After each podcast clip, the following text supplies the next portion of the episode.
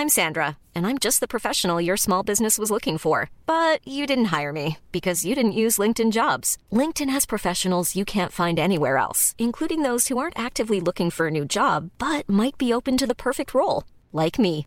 In a given month, over 70% of LinkedIn users don't visit other leading job sites. So if you're not looking on LinkedIn, you'll miss out on great candidates like Sandra. Start hiring professionals like a professional. Post your free job on linkedin.com/people today. Everyone knows therapy is great for solving problems, but getting therapy has its own problems too, like finding the right therapist, fitting into their schedule, and of course, the cost. Well, BetterHelp can solve those problems. It's totally online and built around your schedule. It's surprisingly affordable too. Connect with a credentialed therapist by phone, video, or online chat, all from the comfort of your home. Visit betterhelp.com to learn more and save 10% on your first month. That's BetterHelp, H E L P. Hey there, it's Michelle Norris. I'm host of a podcast called Your Mama's Kitchen. When I travel, I'm usually looking for a way to find a taste of home when I'm not at home. And one of the things I love to do when I am at home is entertain. And Airbnb allows me to do that. When I was in California recently, I rented a house that had a great kitchen. And when we were sitting around the table, we're all thinking, we're in someone else's house. Someone could be in all of our homes as well. If you have a home, but you're not always at home, you have an Airbnb. Your home might be worth more than you think. Find out how much at airbnb.com/slash host.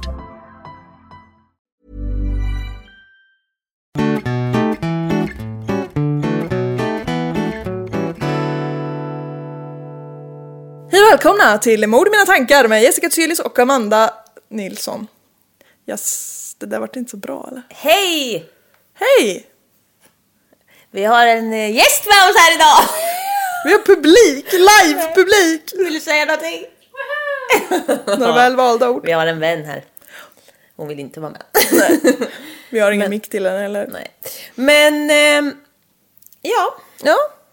Jag har fått klagomål från två av mina andra vänner att det låter som att jag mår så dåligt hela tiden. Men det är för att det är så. Att vi, har, att vi säger att, att vi skämtar att vi ska gräva, dra något gammalt över oss varje dag. Och hoppa i svartån. Ja. Men jag kommer behöva göra det nu. Men Ja. vi kan ta det sen. Men nej, de pratar om att jag, att jag är så trött hela tiden, att jag säger att jag är så stressad och att jag inte äter och grejer. Men jag, Ja. jag har ju ingen ätstörning, det kan vi ju vara tydliga. Och eh, Ja, men du... Ja. jag har bara ett stört ätmönster. Okej. St- Stadie... Första stadiet i en störning är ju förnekelse som vi vet. ja, nej. Ja. nej, men du har ju dåliga vanor. ja, exakt. Men det får vi bryta. Men du, har du blivit bättre? Du åt ingen mat idag jävlar. Jag åt mat. Du åt macka. Jag åt en matig macka. Nej men snälla. Nej, men jag vet. Men på tal om svärta i livet så Jag har en sak att säga om det sen. Ja, jag börjar. Min kille sa "Ah, din tv har så dålig svärta. Eh. Då sa jag lilla gubbjävel. Okej. är det verkligen mer svärta jag behöver i mitt liv? Din tv har så dålig svärta. ja men det är tydligen blir... Konstig sak att säga till dig. så jävla Så skulle jag aldrig säga. Nej och det är det som gör att du och jag är vänner. ja. Jaha. Vad har du att säga om din svärta? Men det är, det är ju riktigt svärta. Hank von Hell har dött. Ja, jag har hört det. Nej, det har du. Jo. Har, har du? ja. Jag hade fördomen om det, att du skulle säga låtsas att du inte vet vem det är. Jo men jag var inte jättepåläst men jag... Men det är ju förra sången i Turbo Negro. Ja men precis, jag hörde det i eh, Kafferepet-podden. Jaha. Ja, jag vet, jag håller mig uppdaterad på Jag villovägar. efter med den. Ja, men det var, tyckte jag var tråkigt. Ja, Det var så. Plötslig gubbdöd. men, Ja. Det var, Det var det bara var det. tråkigt. ja. Ja. Förutom att du sörjer eh, människor du aldrig har sett, vem... Eh, Jag, jag, ursäkta mig? Känt, Ja. sa jag. Ja. Nej, så sa du inte. Men förutom det så kommer jag inte få någon hjälp från någon läkare så jag kommer få hoppa i svartån. Nej men jaha. Jag har ju varit hos läkaren. Har du varit det? Ja. Varför har du inte sagt det till mig? Han hatade mig. Nej men, hatar dig. Han var rolig. Dock. Han var lite charmig och rolig. Men han hatade dig på ett roligt Nej, sätt. men han ville ju att jag skulle gå hem. Innan du kom ens. Men, ja, typ. Nej men vadå, vad sa han? det är privat. Nej, men han sa... Jag hörde inte riktigt vad han sa. Nej, men... Du bara vägrar att fråga igen för det är så pinsamt att säga va? Ja. Nej. Nej, men han sa att jag skulle lämna massa blodprover och det gjorde jag. Och sen så sa han, ja du kan ju prova. Då sa jag, Du kan ju kanske- slå en signal om du färdig. nej, men då, nej. Då sa han, du kan ju testa och sluta. För jag sa, det är nog medicinen jag är trött av. Då sa han, nej. Då sa jag, jo. Och då sa han, ja. och då sa han, ja du kan ju prova att sluta med den om du vill. Då sa jag, Sa han lite då sa utmanande. jag förlåt? Vad är det för ton? Om du blir pigg så var det ju det. Jag bara, ja okej. Efter empiriska Men vad ska jag göra då? Hoppa i svarthål? Då sa han ja. Nej, Preferably. han sa inte det. Men nej, han sa inget mer sen. Jag fick gå. Utan att säga hej då. Nej. Men typ. Man bara Sen kallade sköterskorna som tog blodprov mig för morbid. Varför? Vad gjorde du med ditt eget liv? Som han seriemördaren som kletade in sig själv i, i blod och sprang runt naken i öknen. Kommer du ihåg honom? Ja, jag tror det. Härlig prick. Vilka så roliga, roliga Ja, nej men så. Nu kör vi. Nej men du sa inte varför du var morbid. Nej, jag vet inte. De tyckte väl det bara. På din blotta uppsyn. Ja. Typ. Ja, okej då. Jag har ju inte, jag är inte blodrädd. Mart vill fisa eller något. Ja, men du gjorde ju ett jävla personlighetstest. Ja, Det visade sig att du har ingen bra personlighet. det visar sig att du inte har någon personlighet. Nej, men alltså, du svarar ju helt fel på alla. Nej. Du, du kommer aldrig få det där jobbet. Nej men jag var bara ärlig på ett bra sätt tror jag. Jag tror inte det. Men man måste ju visa så här att man är man är, vet om sina svagheter och så då är det bara då man kan jobba på dem. Absolut, men Och jag sa faktiskt stämmer inte när de frågade om jag kunde multipli- multiplicera to- stora tal fort. ja, det kan vi verkligen inte. Nej! Det kan man inte beskyllas för. Jag kan ju inte multiplicera små tal fort. Gångertabellerna kan jag, men Fyra gånger sex. Ser jag kan inte ens uttala dem. fyra gånger ett kex. Kör nu. Fyra gånger ett kex. Okej. Dagen är 15. Månaden är maj. Året är 1980. Och vi är på Kuba. Ratatatatata! Boom! Nej, jag vet inte vad det där var för... Fidel Castro är diktator. Och det är ju inte superkul att vara invånare på Kuba? Jag har inte pratat med honom personligen, men eh, man kan ju tänka sig. Vi ska inte gå in i detalj varför det är tråkigt att vara invånare på Kuba just nu. Men eh, man kan ju säga att det inte är jättepopulärt att vara en kommunistisk diktatur med goda relationer till Sovjetunionen när man ligger granne med USA. Nej. Nej, det blir så. Inte bra. Det var helt enkelt lite skit att bo på Kuba. Om man inte var Fidel Castro själv möjligen. Men... Eh, alltså jag är så ramblig när jag skriver för mig själv. Det är fortfarande diktatur. Eh, så det är kanske inte jättebra på Kuba. Men skit! Snälla människa. det var i alla fall väldigt fattigt och eländigt, svårt att få jobb, våldsam regim och så vidare. Typ sånt där som kännetecknar en diktatur. Det var jättemånga som ville fly från Kuba men det var inte så säkert att man fick det. Alltså koreaner som kollade på Squid Game blev dömda till döden. Oj, Ja, vad säger du mig? jag vet. Mamma och pappa sa det till mig. Nordkoreaner antar jag. Ja. För att de kollar på en serie. Som de inte fick kolla. Åh oh, nej, jag Nej men alltså, fy fan. Ja. Ja, vi, kan, Nej, vi förstår inte sånt Nej, där. det är jävla sjukt. Dumheter. De skulle bara veta vad jag kollar på. Nej, ja men typ. skulle bli avrättad direkt. Går. Castro meddelade 1979, alltså året innan, att den som ville fick lämna Kuba om man fick så visum till det landet som man skulle åka till.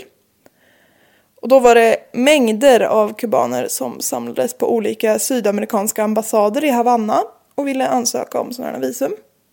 Havanna är huvudstaden på Kuba. Jag tycker det är ett så fint namn på en stad.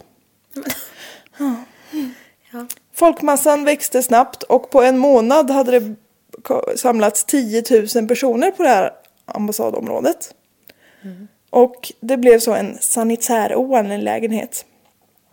10 000 människor som ska äta och bajsa och kissa och leva på ett samma ställe hela tiden.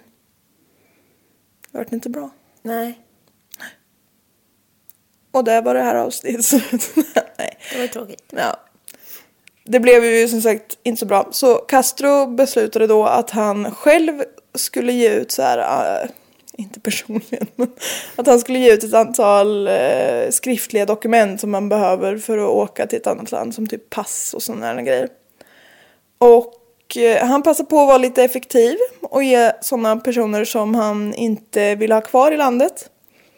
Och det var homosexuella främst. De ville man inte ha kvar. Eller, Perfekt. quote, fritt översatt, personer med icke könsbekräftande beteende. Men, Det var icke önskvärt. bara ut med alla gubbkärringar! Exakt. Alla tjejer som inte är så tjejiga, alla killar som inte är så killiga.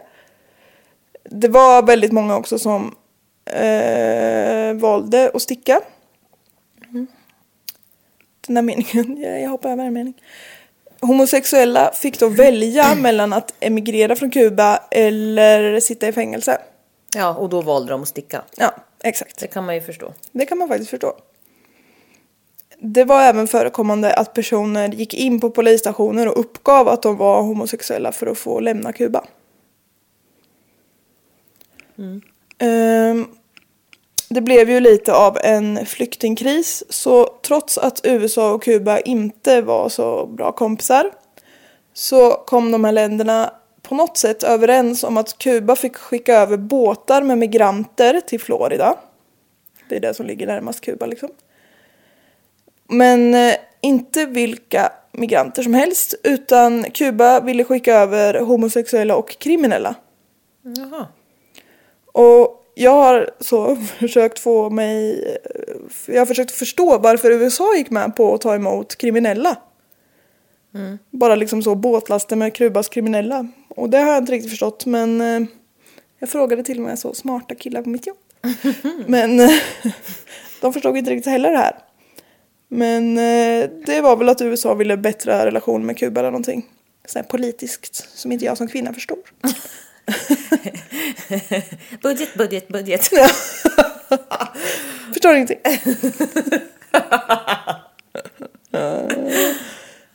Den 15 maj 1980 i alla fall så leds de första fångarna ut ur fängelset nära hamnen Marielle och vallas i långa led mot hamnen.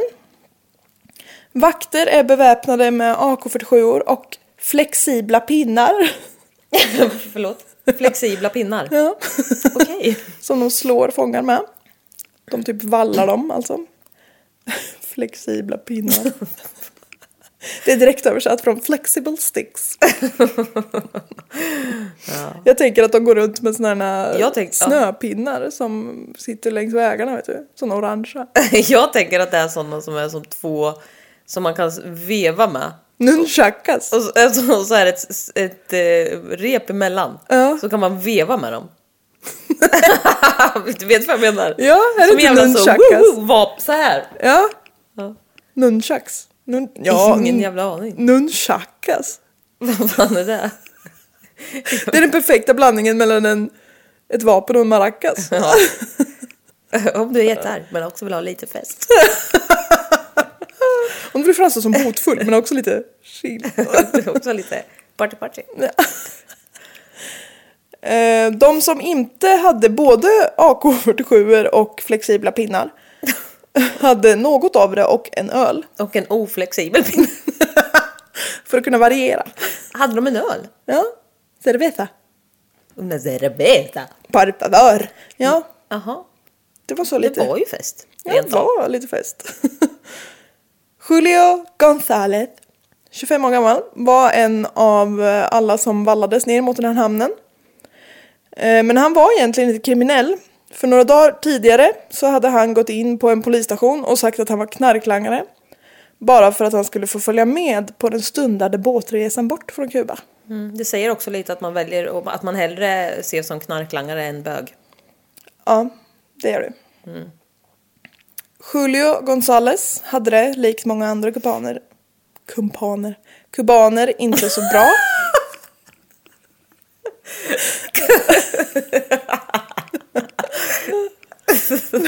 likt många andra av mina kumpaner. Eh, låt mig vara.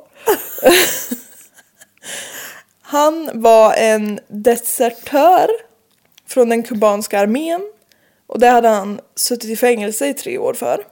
Det är alltså när man lämnar armén fast man inte får. Alltså, lägger ner sitt vapen och går hem. Han kände igen flera av dem som nu vallades med honom ner emot hamnen i Mariel. Det var rånare, mördare, våldtäktsmän och även politiska motståndare och andra som bara inte var så omtyckta av regimen. Mm. Julio Gonzales kom att bli en av de 125 000 personer som skeppades över från Marielhamnen till USA. Dessa personer ska komma att kallas Los Marielitos. Det finns också ett så gangstergang nu eh, i USA som heter så, om jag fattar rätt. Men eh, så den här historiska tillbakablicken, det är alltså Julio Gonzales vi ska prata om. Ja. Om inte så det har framkommit. Eh, när Julio kom till USA så tog han sig vidare till Bronx, New York. Det var ganska många av de här Los Marielitos som drogs till New York. Eh, antagligen med tanke på att det var lättare att hitta jobb i en storstad. Florida kändes lite för litet för dem. Ja. Dock så har USA aldrig varit särskilt för- förtjusta i latinamerikaner. Som vi vet. Så det blev svårt för Julio att få till sin försörjning. Han fick några låglönejobb där han liksom knegade och slet så gott han kunde.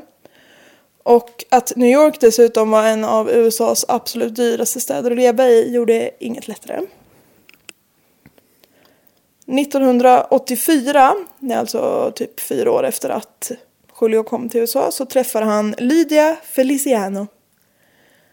De blir ganska snabbt ett par och bara några månader senare så flyttar Julio in hos Lydia. Bara några månader senare så får hon ett barn. Två månader senare föder hon lilla Julio Junior. Nej. Du kan ingenting om biologi. Lydia jobbar som garderobiär. Visst heter det så? Va? Vad fan säger du till mig? Understår du det? På en nattklubb som heter Happyland. Hon jobbar i garderoben på en nattklubb. Garderobiär. Jaha, garderobiär. Ja, Ja, ja visst. om du säger det. Säger du så så. Det gör jag. Happyland hette den klubben. Och det var ett... Eh, nej. Det var en nattklubb i området East Termont Avenue i Bronx. Den här delen av Bronx beboddes till största delen av migranter från olika länder i eh, Latinamerika och Sydamerika. Och eh, varje liksom, lands invånare hade egna klubbar och eh, som liksom ja, men, bevarade deras kultur och spelade musik som de tyckte om och mm tittade på liksom, sport som de tyckte om. Ja men alltså sådär. Så man liksom kunde gå dit och möta sina landsmän och glömma bort att allt var jävligt jobbigt en stund. Precis som jag gör när jag kollar på min dåligt svärtade TV. Skämtar du att min skärm har spruckit nu? Spruckit! Under tiden vi har suttit här.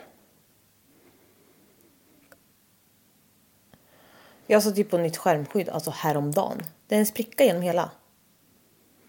Alltså, orka. Ja, man blir ledsen. Nej men nu vart det så... Fy fan. Nu kan vi snacka svärta. Ja, kör nu. Fy fan. Happyland var en klubb för dig. Ja, vad fan. Det var en klubb för personer från Honduras.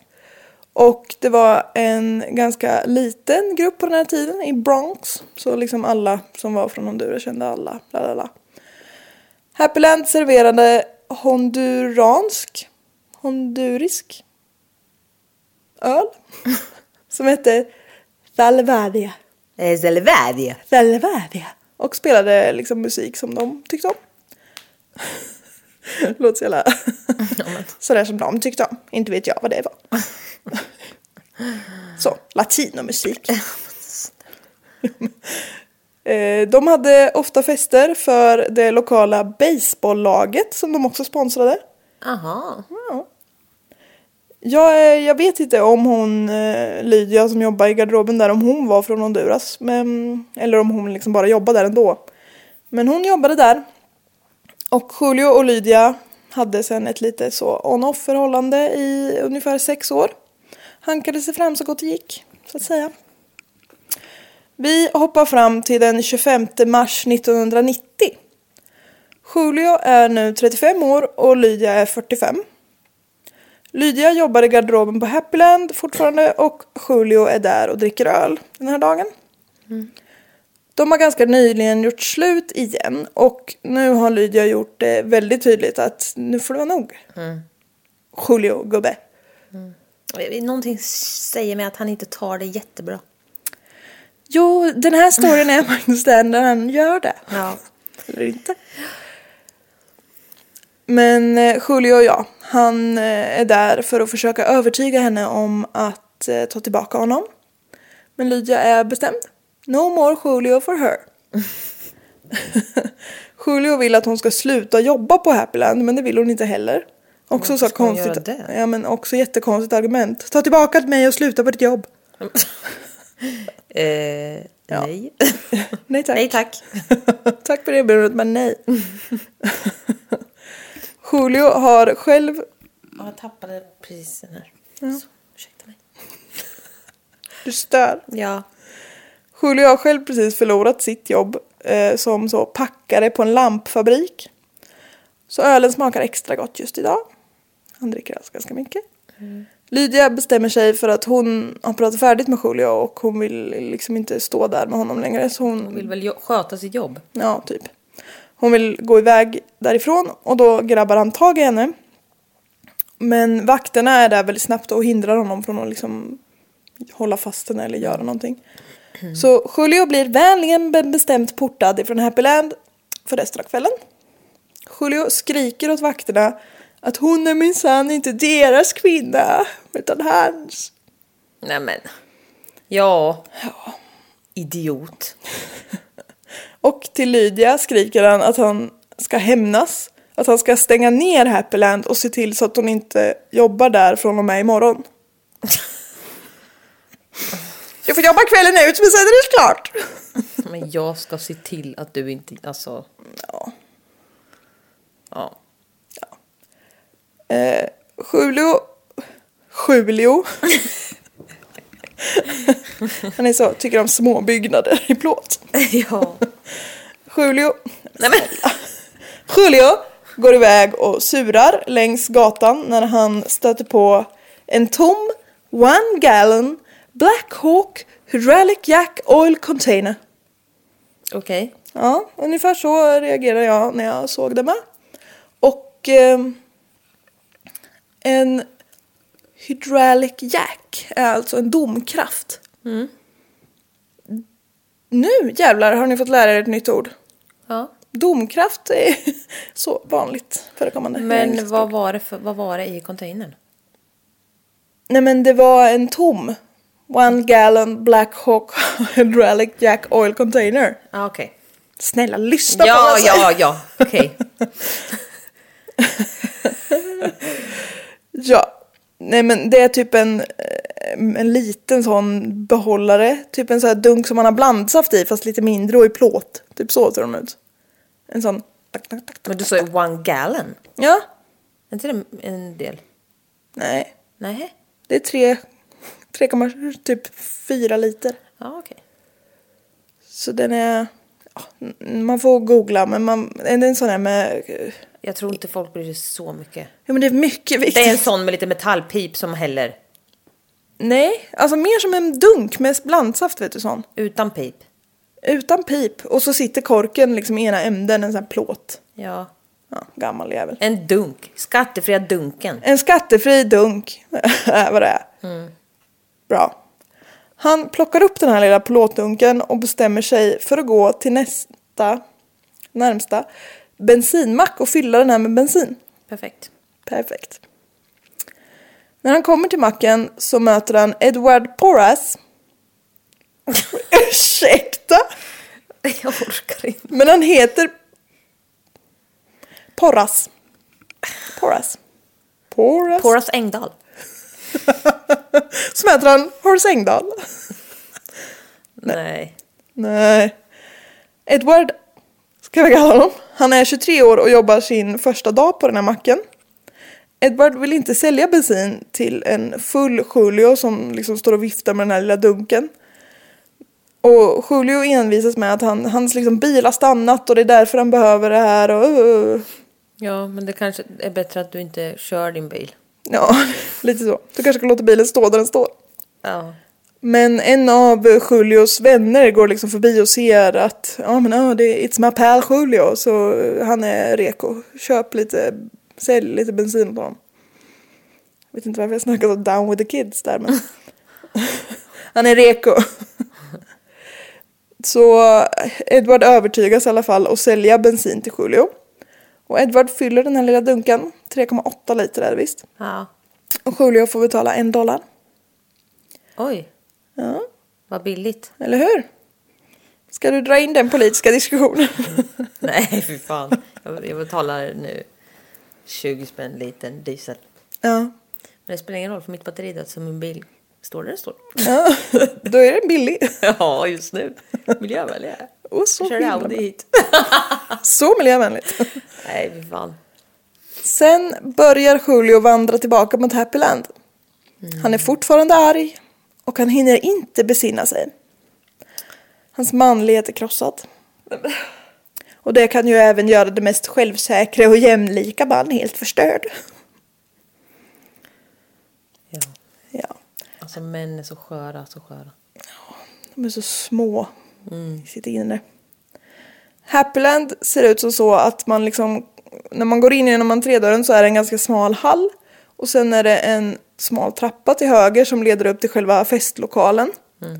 Och Julio börjar hälla ut sin nyköpta bensin på golvet i den här lilla entréhallen. Han har självklart också med sig två tändstickor. Julio tänder och kastar in de här två tändstickorna och det börjar ju brinna direkt. Bensin är så lätthanterligt. Julio går ut, går och ställer sig tvärs över gatan och tittar på. Alltså jävla idiot. Till en början så brinner det bara i den här lilla hallen och dörren upp till övervåningen är liksom stängd. Lydia, om jag har förstått det hela rätt, hon arbetar i garderoben är liksom där nere. Och fyra andra besökare är på nedervåningen och gör någonting. Så det är de som först märker att det brinner. Och Lydia vet om att det finns en bakdörr. Så hon skriker liksom ”ah det brinner och så drar hon med sig de här mot eh, bakdörren, de här andra som var där med henne. Everyone knows therapy is great for solving problems, but getting therapy has its own problems too, like finding the right therapist, fitting into their schedule, and of course, the cost. Well, BetterHelp can solve those problems.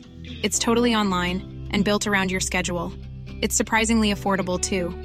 Connect with a credentialed therapist by phone, video, or online chat, all from the comfort of your home. Visit betterhelp.com to learn more and save 10% on your first month. That's BetterHelp H E L P.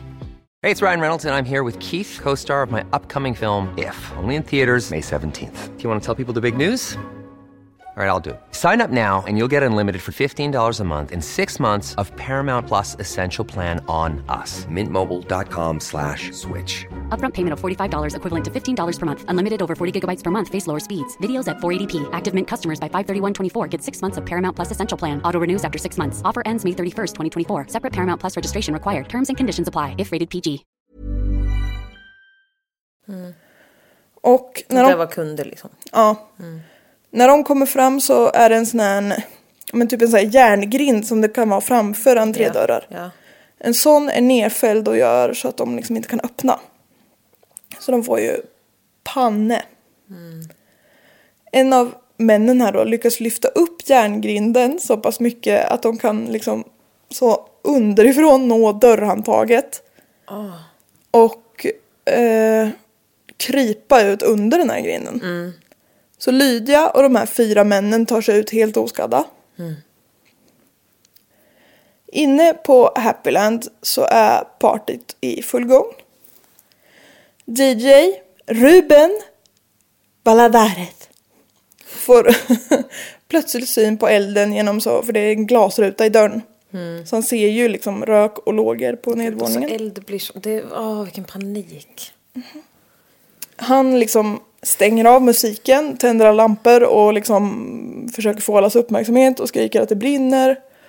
Men folk är ju lite så fulla och glada och dumma. Men de börjar förstå lite grann så här att ja, det är, han vill att vi ska gå ut typ. Ja. Eh, så det börjar, alla börjar dra sig mot dörren och det blir packat för dörren. Alla går ju dit men de, när de kommer fram så ser de att här kan vi inte gå ut. Ehm, och folk börjar bli liksom panikslagna. Ruben, den här DJn då, och de andra som arbetar som personal under kvällen vet om att alla nödutgångar är låsta och noga barrikaderade Va? för att undvika att gäster smiter in utan att betala.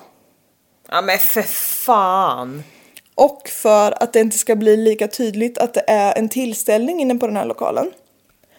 För Happyland har nämligen fått förbud att bedriva nattklubb ungefär tre månader tidigare.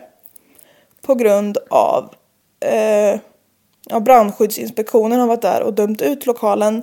För Ja, att det var brist, rimligen. ja, för att det var brist på brandvarnare, nödutgångar i förhållande till lokalens storlek och brist på sprinklersystem. Ja men för helvete. Ja. Ruben, han den här DJn, bestämmer sig för att liksom ta chansen. Så han börjar tränga sig fram mellan alla panikslagna gäster. Han slänger sig på golvet och kryper emellan dem för att liksom komma fram till den här dörren. Elden har ju spritt sig i hela den hallen och upp i trappen. Det är liksom jätte... Det brinner väldigt mycket. Ja. Ruben sliter upp den här dörren och kastar sig ner för trappen ut i hallen och lyckas ta sig fram till ytterdörren och öppna den. Och så Genom kast- elden? Ja. Oj. Han börjar krypa bort liksom från lokalen. Han kommer, han kommer ut. Och fy fan vad sjukt. Ja. Och det brinner i hans kläder. Hans Ja. kläder brinner liksom upp. Ja. Och han har brännskador över hela, ja precis. Men eh, Ruben kommer att överleva. Oh my god. Mhm. Men hur blev det liksom? Ja, när Ruben öppnar dörren Det till kommer se- Mm. trappen och hallen och dessutom ytterdörren Det var svung på syret känner så jag. Mm. kommer det jättemycket syre. Tjock svart brandrök börjar ju bolma in här och fyller ju snabbt hela det här rummet. Vid 03.30 hade Julio, alltså på natten, hade Ju- Ja, Ja, uppenbarligen. 03 på natten. Jag, jag tycker faktiskt att det är på morgonen. hade Julio setts gå mot Happyland med den här lilla bensindunken. Av, liksom, för det, det är inget så här tomt område utan det är ändå folk utanför också på gatorna och sådär. Vid 03.41, alltså 11 minuter senare, så anländer den första brandbilen. Oj! Ja, så går fort. Då var han på väg dit. Eller därifrån. Julio, ja. Ja. ja. Vilket av dem? Nej, eh, ja precis. Julio, Julio hade setts vid Happyland Ja. 03.30. Ja. Och 11 minuter senare kom brandmännen. Ja. Så han har ju, ja men typ samtidigt som han har varit där och hällt på så har ju någon ringt brandkåren nästan.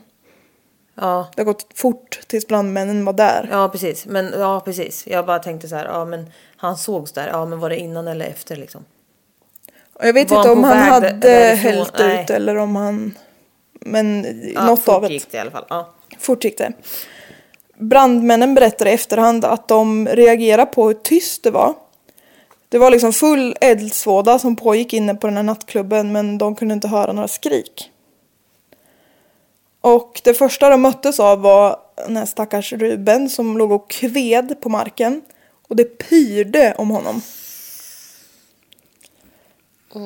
Alltså det där är så sjukt. Man, om man så, åh, bara man bränner sig på typ en plåt. Ja. Alltså man kan, skinnet blir så här. Ja, Alltså exakt. det fräser ju lite och det bara pff, alltså Ja. så här, suger ihop sig typ. Mm. Och fy fan. Och springa genom en jävla Ah. låg... Usch.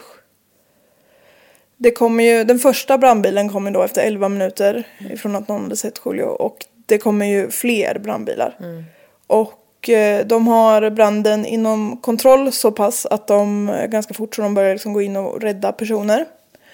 Och det är ju alldeles rökfyllt så de ser ju ingenting utan de liksom får ju gå på känn och ficklampor och Eh, En brandman känner en arm och drar tag i den och får ut personen. Och när de kommer ut så ser de att den här personen är ju väldigt död. Mm, den är stel. Ja. Ja. Den har stelnat då med utsträckt arm. Ja, fy fan alltså. Det där tycker jag, det där är sjukt. Det är så oerhörd panik den här personen har haft. Ja. Brandmännen fortsätter och dra ut personer som de liksom hittar i trappen. Alla är redan döda och har allvarliga brännskador över hela kroppen. Det är 19 personer de drar ut. Fy fan. Och sen går de upp på övervåningen. Oh my god. Ja. Och Brandmännen... där var, vänta, vänta, vänta, vänta. Det är de som har liksom tagit sig på väg ner. Mm. Och fy fan. Brandmännen har beskrivit hur de kom upp på övervåningen och reagerade på att golvet var så ojämnt. Nej. Det går väldigt snart upp för dem att det är kroppar. Det är kroppar överallt. Många av dem ligger i en stor hög vid trappavsatsen. Alltså de ligger i en hög verkligen. De har ju klättrat på döda och sen... Åh, åh. Flera ligger utspridda i hela rummet. Några sitter kvar vid bord och bås och håller fortfarande i drinkar. De hittar en person som fortfarande höll en brandsläckare i händerna. Nej. Flera som höll sig för halsen och några som höll handen. Nej. Mitt hjärta går sönder. Alltså. Ja. Och, Och alla var liksom- dö. Ja. Och alla var liksom uppklädda och fina i så festkläder. Nej, Och fy, varför höll jag också för näsan som att det skulle hjälpa mig? Nej men alltså fy fan. Och jag tänker på diskoteksbranden i Göteborg. Ja. Ja, det är likt Det där. är, liksom, det är så fruktansvärt. Ja. Och det liksom utbryter panik och liksom det bara vimlar av människor. Ja, det är Nej, ju det panik kan man säga att det har varit. Brandmännen får ju liksom börja skyffla ut kroppar. Det är hur många som helst. Och de måste ju liksom, de måste kolla alla. Ja. Ifall någon lever. Men alltså den ansvariga, fy fan. Vilk, ja men nu, alltså visst han tände på stället. Han är ju dum i huvudet uppenbarligen. Ja. Men alltså hur fan kan man sätta för alla jävla dörrar och bara vi kör ändå? Ja. Alltså hur jävla dum i huvudet får man bli? Ja. Ja, det är som att be om att de en sån här grej ska Ja. Brandmännen skyfflar som sagt ut alla.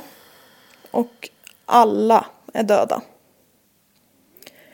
Många har liksom livshotande eller dödliga brännskador. Men det kan fastställas att alla har dött av att andas in röken. Rök, Ja. Och när det rör sig om så eldsvådebrand eller vad man ska säga så brinner både plast och trä och allt möjligt skit. Och röken blir så otroligt giftig att det räcker med bara några andetag för att en vuxen människa ska dö. Man kan ju på något sätt hoppas då att det kanske liksom gick lite fort. Men samtidigt, de har ju haft ja, panik. Men jag tänker de som sitter kvar med sin, alltså. Ja, de har nog inte märkt. Alltså de har väl kanske börjat bli så oroliga och titta Ja, runt. och så sen bara har det bara, ja, gud vad sjukt. Ja. Den här röken innehåller... Också eldsvådebrand. Ja, men- men... ja, men vilken brand är inte? Ja, förlåt.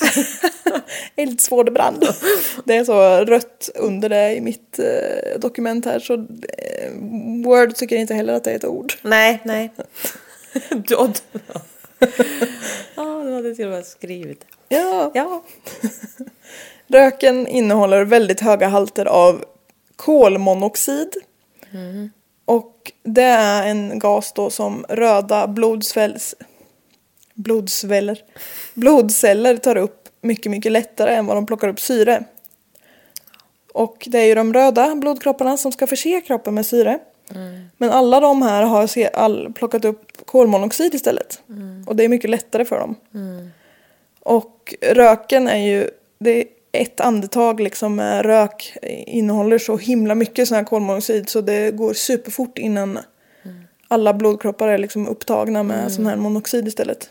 Gud, och då sjukt. dör man för det finns inget syre kvar. Nej. Gud, man blir helt jävla urblåst. Ja, precis. Och sen bara finns det ingenting. Nej. Fy vad läskigt det är. Ja. Så det är därför då som man oftast dör av röken och inte elden när det börjar brinna. Så här. När det blir så eldsvådebrand. Ja, nej det där är riktigt läskigt alltså. Ja, nu ska vi höra hur många de var. Nej, alltså jag, ja. Brandmännen får ta ut 87 kroppar ifrån Happyland. Fy fan. En brandman sa att om de hade hittat, om de här alla hade varit vid liv så hade de aldrig hunnit få dem till sjukhuset innan det var för sent. Nej. För det fanns inte så många ambulanser i drift ens en gång i hela New York. Fy fan vad sjukt. Ja. Så de här 87 offren var i blandade åldrar, men alltså vuxna. Ja. och både män och kvinnor. Gemensamt hade de att de var alltså immigran- immigranter från olika sydamerikanska länder som hade flytt till USA för att få ett bättre liv och som just den här kvällen gått ut för att ha roligt. Ja, nej, det, jag kan inte... Det, det, det är mörkt. Ja, fy fan.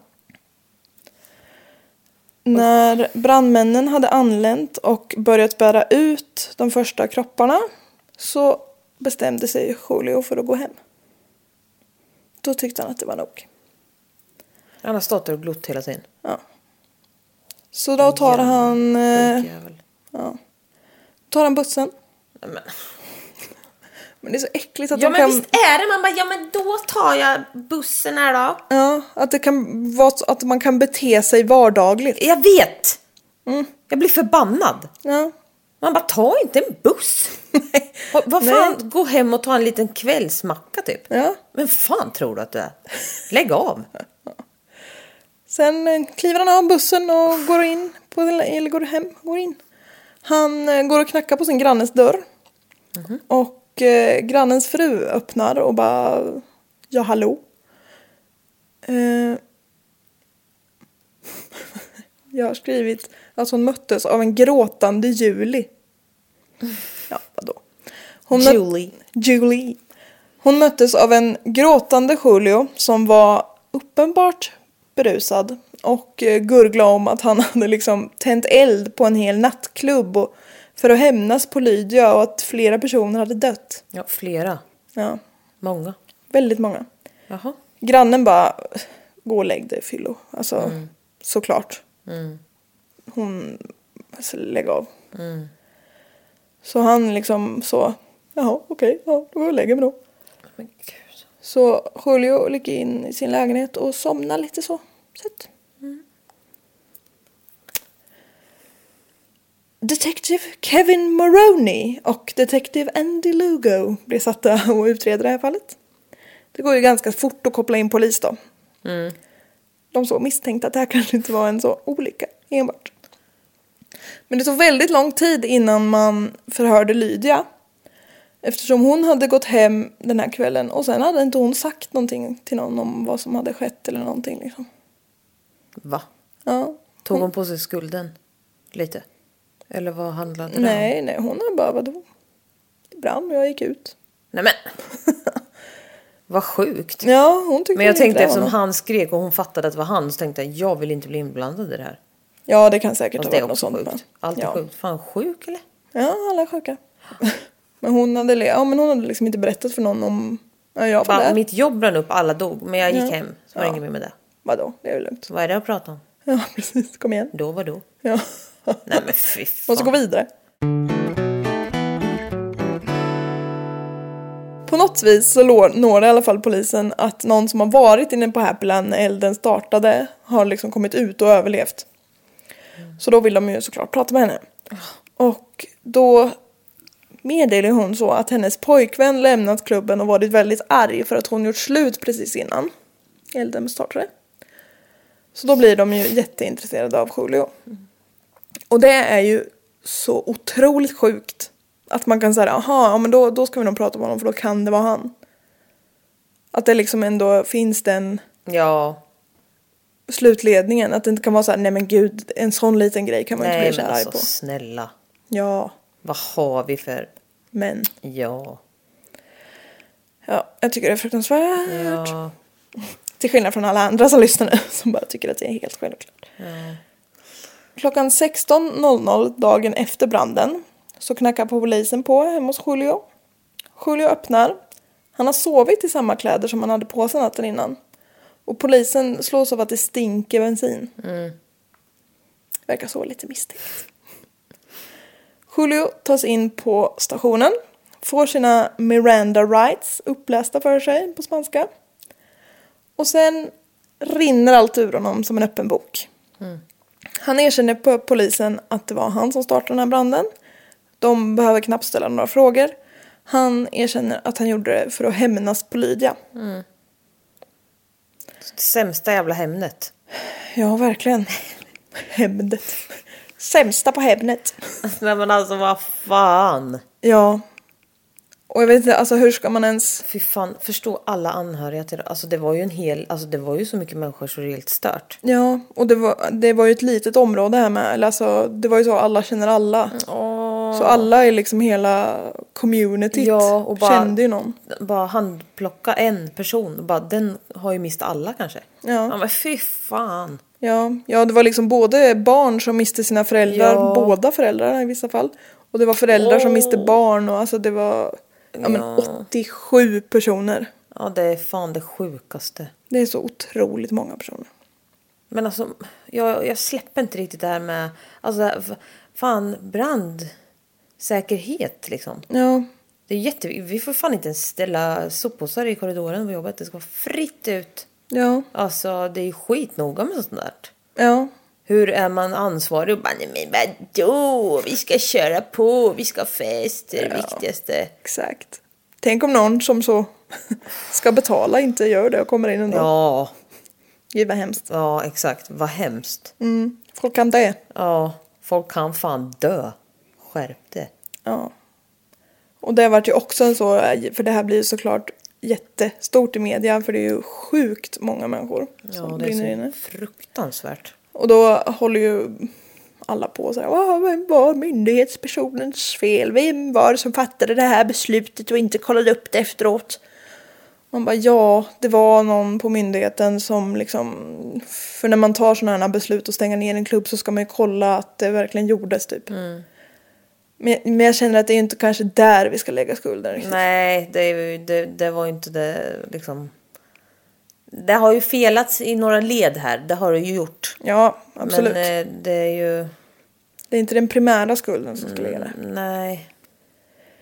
Rättegången hålls mot Julio under våren 1991. Och det är ju mest liksom så formalia. För Julio har erkänt och det är jättemånga vittnen som har sett honom och flera liksom såg honom ute på gatan. Och så den här killen som sålde bensin till honom på sin första arbetsdag. Nej men vet du vad jag tänkte? Jag visste, när du sa det där så kände jag bara stackars den här killen. Ja, Stackars den killen, han sa ifrån först liksom. Ja, och sen precis. kommer en annan jävla tjomme. Ja. Fan alltså. ja. Julio González döms till för var och ett av de här 87 offren livstid med chans till parole efter minst 25 år. Så 87 livstider. Oj, nej men gud jag uppfattade ens inte att du sa det. Nej, det var en kanske knölig formulering. 87, ja det är skapligt där. Ja. Men vad då? Men han kan få möjlighet till parole efter 25 år? Efter, ja var, varje straff är eh, l- 25 Alla to är life. så samma, ja. Men i New York så måste, på den här tiden, jag vet inte om de har ändrat lagen nu, men så får man avtjäna alla samtidigt.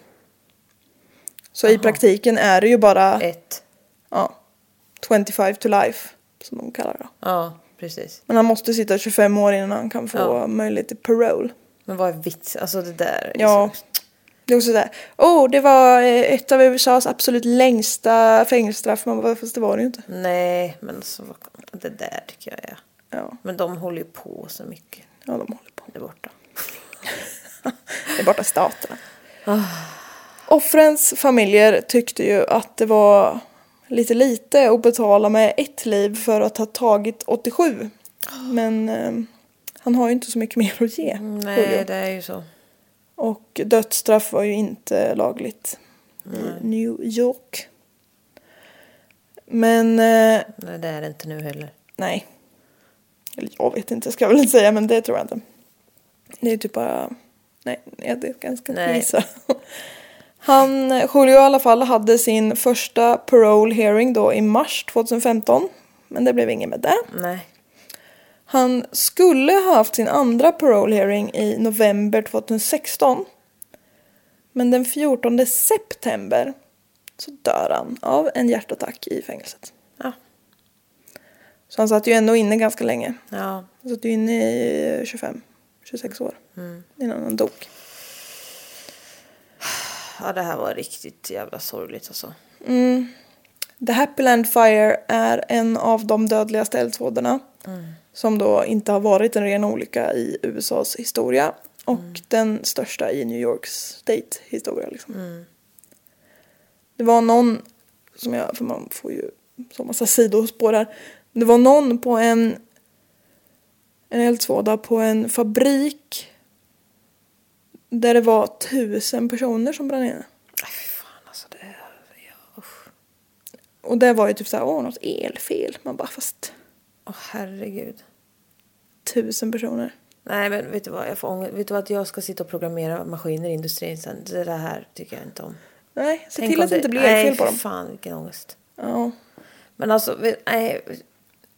Nej, jag tycker att, ja för fan det här var jättebra. Tack snälla, jag mår skit. ja. Men alltså vi, alla måste typ lyssna på P3 Dokumentär eller vad det är om, P, om, dokum, eh, om Diskoteksbranden i Göteborg.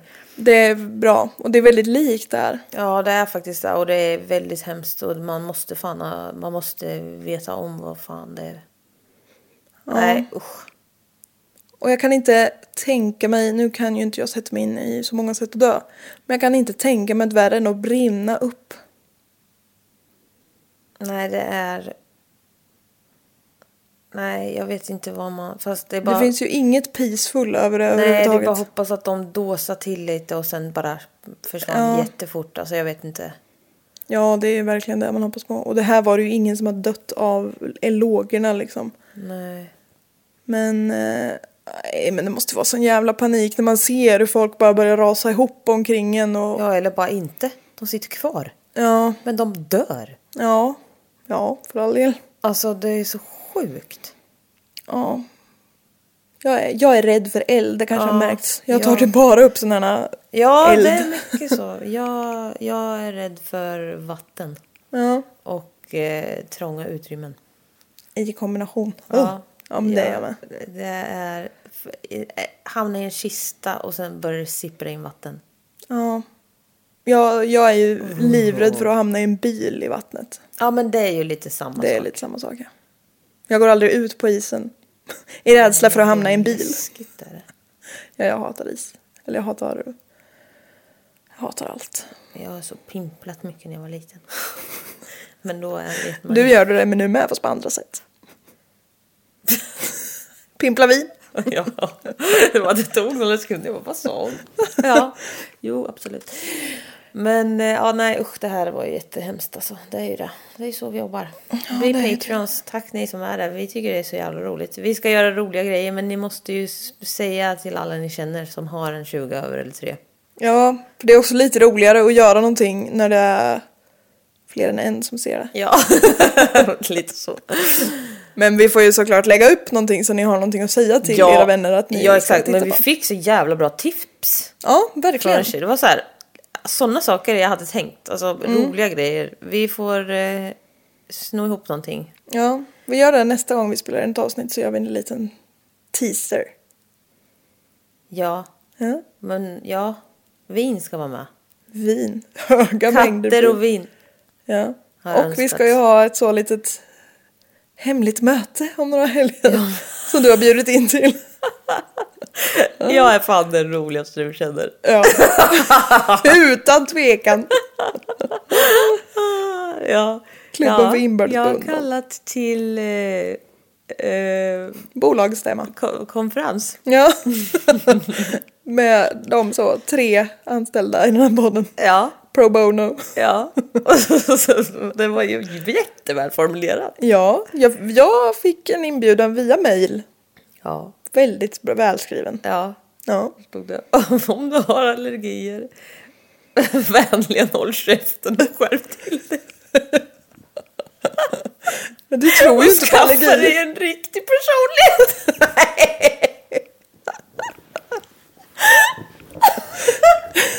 Du vill bara att folk ska tycka synd om dig. Skärp dig nu. Det var så roligt. Nu blir du så uppblåst. Åh, herregud.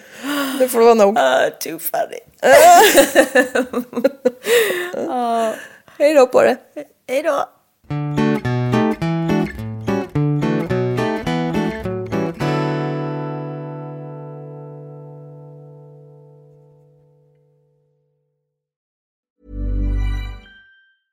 Planning for your next trip? Elevate your travel style with Quince. Quince has all the jet setting essentials you'll want for your next getaway, like European linen, premium luggage options, buttery soft Italian leather bags, and so much more. And is all priced at 50 to 80% less than similar brands. Plus, Quince only works with factories that use safe and ethical manufacturing practices. Pack your bags with high-quality essentials you'll be wearing for vacations to come with Quince. Go to quince.com slash pack for free shipping and 365-day returns.